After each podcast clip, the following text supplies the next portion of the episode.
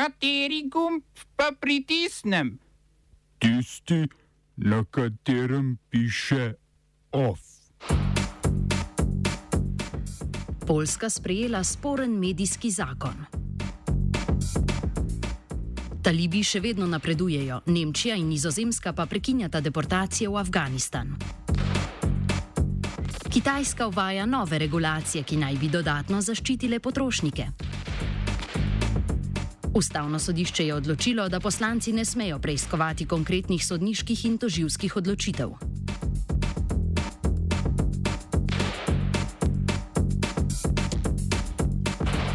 V Afganistanu so talibi danes zauzeli še deseto od 34 pokrajinskih prestolnic in sicer Gazni, ki je oddaljen slabih 130 km od glavnega mesta Kabula. Izguba Gaznija bi lahko hudo prizadela vlado, saj se mesto nahaja na avtocesti Kabul-Kandahar, ki povezuje prestolnico z jugom države. Sam Kabul še ni neposredno ogrožen, a očitno je taktika talibov, da prestolnico čim bolj odrežejo od drugih delov države. Ameriški mediji, ki se sklicujejo na vire v obveščevalnih službah, navajajo ocene Washingtona, da bodo talibi napadli mesto v roku 30 dni in ga zauzeli v največ 90 dneh. Vladi Nemčije in Nizozemske sta do nadaljnega ustavili vrnitve zavrnjenih afganistanskih prosilcev za azil v domovino. S tem sta povsem spremenili svoji prejšnji stališči, saj sta njuna notranja ministra še prejšnji teden pisala Evropski komisiji, da bi to prakso morali nadaljevati kljub bojevanju v Afganistanu.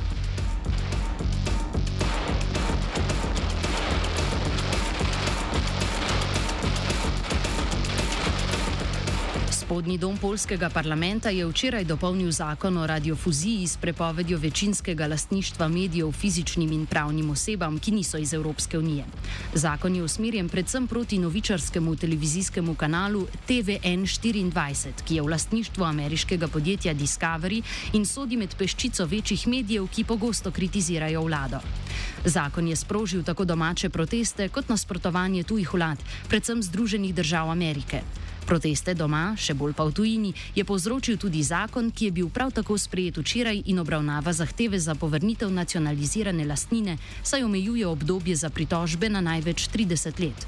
Tako onemogoča polskim judom, da bi dobili povrnjeno lastnino, ki so jim jo zaplenili nacisti med drugo svetovno vojno in komunisti v povojnem obdobju.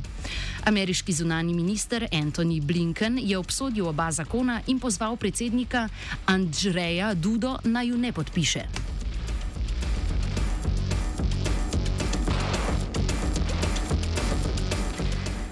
Novi iranski predsednik Ibrahim Raisi, ki je prevzel položaj prejšnji torek, je za zunanjega ministra predlagal konzervativnega diplomata Hosena Amirja Abdullahajina. Amir Abdullahain je bil namestnik ministra za odnose z arabskim svetom in Afriko v času vlad nekdanjih predsednikov Mahmuda Ahmadinejada in Hasana Ruhanija ter velja za klerikalca in podpornika Ajatole Alija Hameneja. Za razliko od prejšnjega ministra, Mohamada Džavada Zarifa je bil izobražen v Teheranu in ne v ZDA, ter je služboval na diplomatskih mestih na Bližnem vzhodu. Njegova glavna naloga bo pogajanje v zvezi z jedrskim dogovorom, sklenjenim leta 2015, iz katerega so ZDA izstopile pod vodstvom Donalda Trumpa.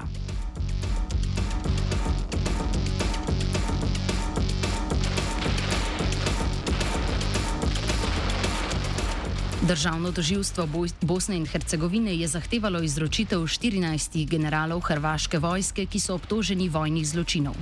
Ukazali naj bi neselektivne topniške napade na področjih Bosanske Gradiške in Bosanske Dubice med operacijo Blisk, s katero je hrvaška vojska leta 1995 zauzela del zahodne Slavonije, ki je bil pod nadzorom Republike Srpske krajine.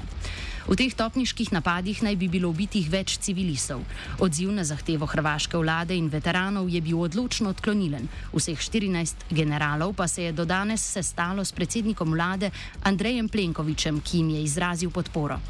Po mnenju enega od obtoženih, Pava Miljavca, naj bi šlo za geopolitično maščevanje bošnjaških politikov zaradi gradnje mostu na Pelješac.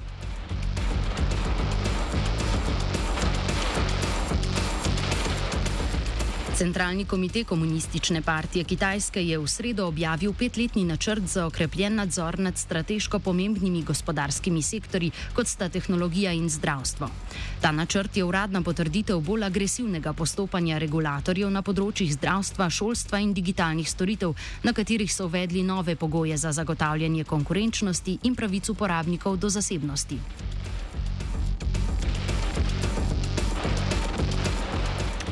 Ostajamo na Kitajskem. Višje sodišče v Dandongu, mestu na meji s Severno Korejo, je obsodilo kanačana Michaela Spavora na 11-letno zaporno kazen zaradi vohunjenja. Kitajske oblasti so Spavora skupaj s še enim kanadskim državljanom, Michaelom Kovrigom, aretirali decembra 2018 kot odgovor na kanadsko aretacijo Meng Wanzhou, finančne direktorice tehnološkega giganta Huawei. V Združenih državah Amerike jo namreč obtožujejo tajnega kršenja sankcij proti Iranu in kraje intelektualne lastnine. Oba, če, če bom odgovoril na angliški.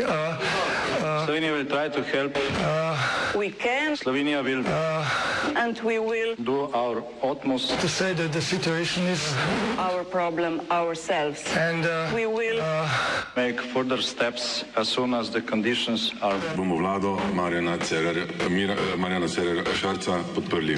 Very, very serious. From Slovenija. We know how and we will. Po poročanju RTV Slovenija je večje število občanov, ki so se maja v cepilnih centrih prijavili na storitev za zagotavljanje digitalne identitete SMS PES, ostalo brez digitalnega potrdila. Ta so bila maja potrebna za izdajo potrdila o izpolnjevanju pogojev PCT, a jih je bilo možno dobiti le na upravnih enotah, ki jim ni uspelo obravnavati vseh prijav. Odaja vlog je bila zato omogočena v cepilnih centrih, centrih za socialno delo in finančnih uradih, a nekateri občani šele zdaj prejemajo obvestila, da bodo morali vloge oddati še enkrat, tokrat na upravni enoti, saj so bili podatki vnešeni napačno. Po besedah Ministrstva za javno upravo so zato krivi predvsem uporabniki, redko pa gre za napake referentov, ki so podatke zajemali.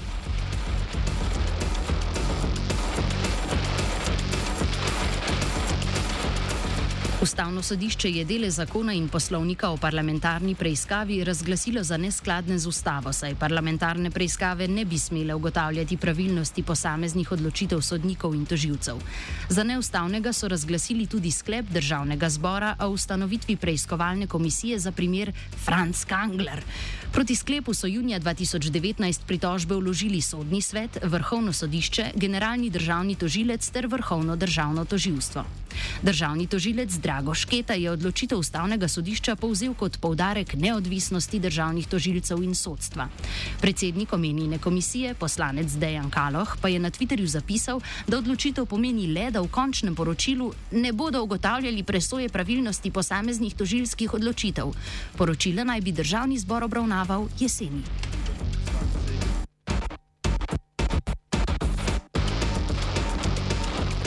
Ostajamo na desno-političnem Twitterju. Notranji minister Aleš Hojs je čivknil, da so za julijski napad na poslance pred stavbo državnega zbora krivi policisti, ki ne delajo in preveč iščejo izgovore. Sindikat policistov Slovenije ga je v odgovorih opozoril, da bi se moral seznaniti z zakonodajo, ki določa, da bi lahko Hojs pred stavbo državnega zbora na predlog generalnega direktorja policije odredil postavitev ovir ali prepoved dostopa. Minister jim je odgovoril s psovanjem in jim ukazal naj začnejo delati lenuhi. Ministra Hojsa je za potrebe oddaje razjezil srčan pod galovim mentorstvom.